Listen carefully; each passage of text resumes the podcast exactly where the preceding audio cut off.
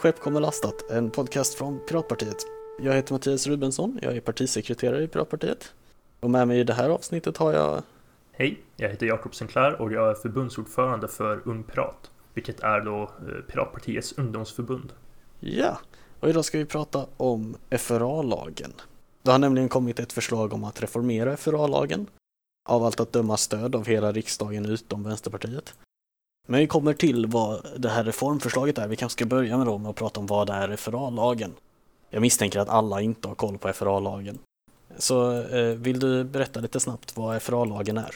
Ja, FRA-lagen är en lag som trädde i kraft 2009 och den går ut på att Försvarets radioanstalt, FRA, eh, ska kunna signalspana på alla signaler som går från Sverige till utlandet eller tvärtom. Så alla signaler som korsar Sveriges gräns helt enkelt. Syftet med denna lag är att eh, FRA ska kunna hålla koll på yttre hot mot Sverige helt enkelt. Mm.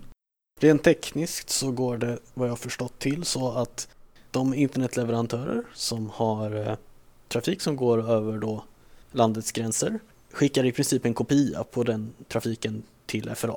Förenklat kan man säga så och sen så kan då FRA söka i den här Eh, insamlade trafikdata. För den som är nördig så kan man gräva ner sig i FRA-lagen någon annanstans. Vi, vi håller det på en lite mer generell nivå. Men så kan man se det att FRA-lagen ger FRA tillstånd att övervaka all internet och teletrafik som passerar Sveriges gränser. En viktig punkt i FRA-lagen är ju dock att FRA ska inte övervaka signaler som går mellan svenskar. Och med tanke på hur internet fungerar så kan det ju vara rätt vanligt att jag skickar ett meddelande till Mattias som går utanför Sveriges gränser för att den ska till en server som kanske ligger i Tyskland. För att sen åka tillbaka till Mattias. Och eh, i eh, FRA-lagen så finns det ju då med ett stycke att eh, ifall FRA upptäcker att signalen går mellan två svenskar så ska de radera datan som de har samlat in. Mm. Och tyvärr då så är kanske inte FRA jättepålitliga i att faktiskt radera den datan, men vi, vi kommer dit. Det kan ju faktiskt vara så att den här inspelningen vi gör just nu Eh, avlyssnas av FRA. Eh, det är inte alls otroligt att trafiken, även om jag sitter i Sverige och du sitter i Sverige och eh, Piratpartiets Mumble server som vi spelar in via också är i Sverige, så kan ju mycket väl en hel del av trafiken gå via utlandet. Så eh, hej FRA! Men då så, då har vi lite koll på vad FRA-lagen är. Eh, den här lagen möttes ju av ganska mycket protester 2008 när förslaget lades på bordet. Det var eh, folkstorm, demonstrationer eh, och så vidare. Partipiskorna plockades fram för att se till att lagen gick igenom. Det var bara några få rösters marginal. Om jag minns rätt så följde på, eller så gick lagen igenom eftersom Fredrik Federley och Annie Lööf eh, ändrade sig och röstade för lagen trots att de i början sa att de var emot. Och då för att få ihop det här lagförslaget, få det genom riksdagen, så gav man fyra stycken viktiga löften för att skydda den personliga integriteten. Det första löftet, det var att Säpo, polisen eller andra myndigheter, de skulle inte få tillgång till den data som FRA samlade in. Utan FRA skulle bara eh, ge information till regeringen och jag tror även till Försvarsmakten, men jag är inte 100% på det. Det löftet, eh, har det hållit? Nej, redan efter ett år, 2010 alltså, så fick Säpo tillgång till datan som FRA eh, samlade in. Trots att man hade lovat att eh, Säpo eller inga andra myndigheter skulle få tillgång. Så redan efter ett år så var det löftet brutet. Och eh, förra året så föreslog regeringen också att även polisen skulle få eh, tillgång till data från FRA. Jag tror också att Skatteverket har pratat om att eh, Skatteverket skulle få tillgång till den informationen. Så det, det löftet var sådär mycket värt kan man säga. Det andra viktiga löftet då som kom med FRA-lagen, det var att den data som FRA samlar in, den skulle bara användas för att hantera yttre hot. Den skulle inte delas med andra länder.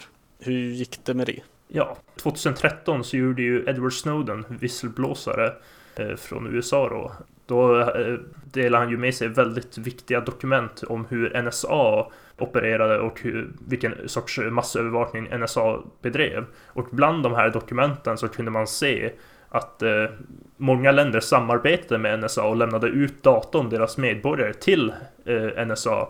Bland annat FRA då, som lämnade ut data om svenska medborgare. Bara kolla med dig, kommer du också ihåg att det avslöjades att eh, FRA-lagen skulle varit ett beställningsjobb från NSA? Jag tror i samma veva som Edward Snowden så var det väl att det kom fram att de, eh, FRA höll på med signalspaning redan innan FRA-lagen. Mm. Så att eh, de signalspanade olagligt helt enkelt. Ja, det, det minns jag. 2013 så kunde Edward Snowden avslöja hemliga dokument från NSA som visade hur NSA bedrev sin massövervakning över det amerikanska folket. Och i samband med denna eh, veva så eh, eh läktes även dokumenten som Edward Snowden läkte eh, visade även att FRA hade gett NSA tillgång till sin insamlade data som inkluderade data över svenska medborgare. Så att eh, det andra löftet bröts direkt och det kom fram 2013. Det är till och med så att eh, Snowdens dokument åtminstone indikerar, inte bevisar, men indikerar att det fanns en plan eh, mellan Sverige, USA och Storbritannien att införa den här typen av massövervakningslagar ungefär samtidigt, 2008 då. I USA införde samma år FISA Amendment Act som är en av deras stora massövervakningslagar. Och att det hade att göra med eh, den typen av underrättelsesamarbete och informationsutbyte som de olika underrättelsetjänsterna i länderna eh, hade. Att man ville få mer tillgång till varandras data. Eh, så att FRA kanske till och med då FRA-lagen kanske till och med var i någon mening ett beställningsjobb från NSA för att lättare kunna övervaka svenskar. Ja, så det, det löftet var, det var inte mycket värt kan man säga. Jag kan ta en till liten snabb del. Mm. Den danska motsvarigheten till FRA eh, visar sig tidigare år också ha delat data med NSA. Eh, och detta kom bara ut för någon månad sedan, några veckor sedan. Och eftersom eh, den danska motsvarigheten till FRA, FRA eh, har delat med sig av data så här nyligen så är det ju inte svårt att se att FRA gör det också. Ja. Det tredje löftet som gavs när FRA-lagen gick igenom riksdagen, det var att FRA kontinuerligt skulle granskas av Datainspektionen och eh, Statens inspektion för försvarsunderrättelseverksamheten, SIUN. Och att den granskningen då skulle skydda vår personliga integritet och se till att FRA hanterade insamlad data på korrekt sätt och så vidare. Och Datainspektionen och SIUN de har ju granskat FRA och de har gett FRA kritik om och om och om igen. Men FRA verkar inte ha brytt sig och kritiken verkar inte ha lett till några konsekvenser, några kännbara konsekvenser. Som exempel kan ju nämnas att Datainspektionen 2010 kritiserade FRA för hur man hanterade personuppgifter och på sex år åtgärdade FRA inte det överhuvudtaget.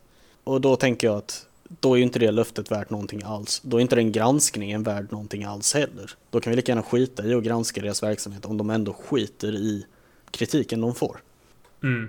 Och mycket av granskningen är ju också väldigt hemlighetsstämplad. De mm. ger ju inte ut fulla rapporter varken till befolkningen eller till hela riksdagen utan det är bara ett antal riksdagsledamöter eh, som får ta del av de här granskningarna fullt ut.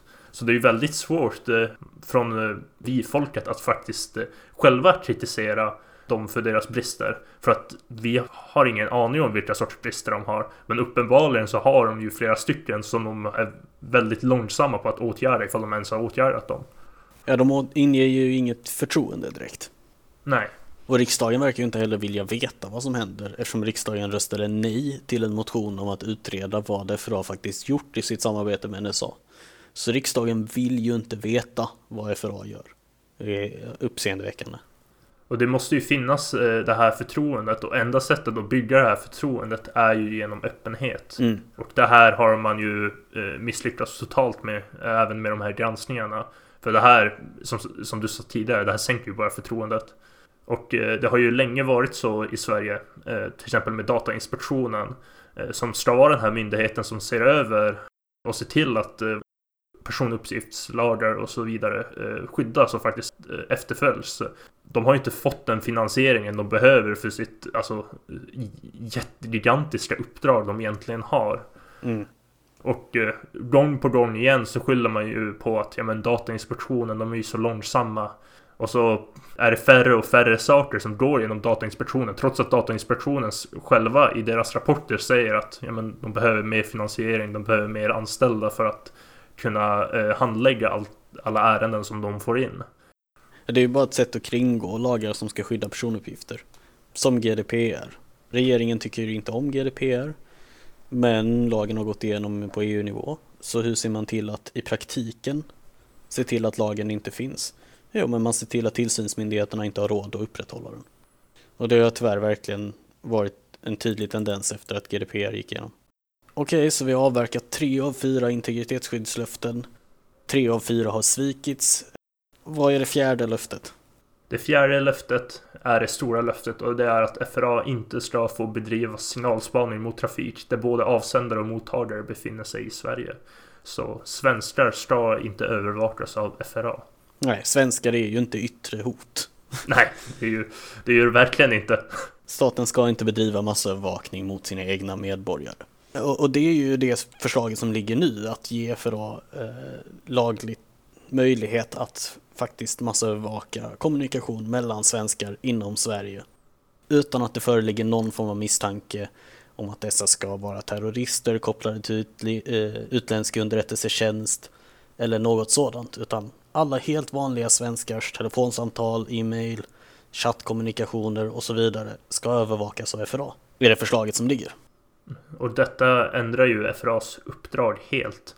FRAs uppdrag var ju från början yttre hot, att skydda Sverige mot yttre hot. Och det var ju därför man det var ju det man drev på så starkt när lagen drevs igenom var ju just att ja, men det här sortens eh, signalspaning behövs för att kunna skydda Sverige. Men helt plötsligt eh, så har man helt ändrat sig från det. Att det inte, man säger, det verkar inte vara yttre hot utan det verkar vara alla hot, även inre hot. Och man verkar se alla medborgare som hot.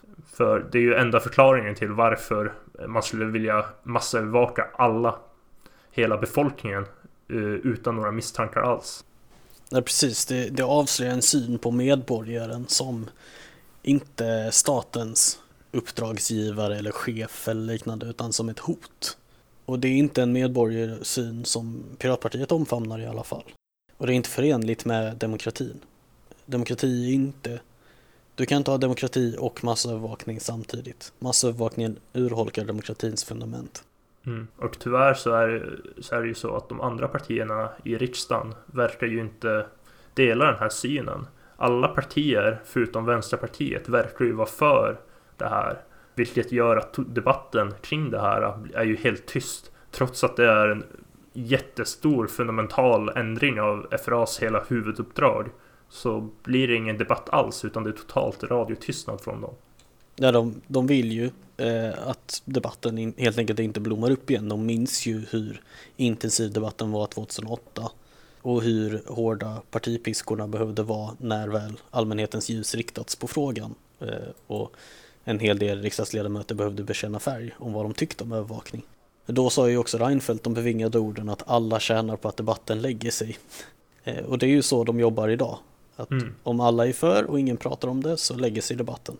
Det som jag tycker är lite konstigt i det hela är ju att eh, Vänsterpartiet har ju klassiskt sett varit emot den här sortens eh, övervakningsfrågor och sånt. Och de verkar ju vara emot det nya förslaget också. Dock så väcker de ju inte själv någon större debatt kring det hela. Och detta eh, visar ju på att trots att eh, vi har ett parti som verkar vara emot det här så behövs Piratpartiet ändå. För att inget annat parti driver på det här tillräckligt starkt. Nej, precis. Vänsterpartiet är ju passivt emot. Eh, de kommer aldrig att försöka blossa upp till folkstorm eller gå på offensiv i frågan. Så det är klart, det är ju bra att de är emot lagen, men ibland räcker det inte att vara emot lagen, man måste faktiskt arbeta också. Eh, och där brister Vänsterpartiet i den här frågan. Eh, ja, så vad händer nu då? Det här förslaget är ju inte klubbat än. Utan eh, just nu så är det ett förslag till utredningsdirektiv som ligger. Sen så ska det utredas och processas och kollas lagrum och allt sånt där tjafs. Om jag minns rätt så kommer ett konkret lagförslag presenteras 2021. Sent 2021, möjligen tidigt 2022. Eh, om då att ge eh, FRA nya befogenheter. Så vi får vara på vakt och se vad som faktiskt landar på vårt bord då. Mm. Ja. Yeah. Tack för att du har lyssnat. Hej då!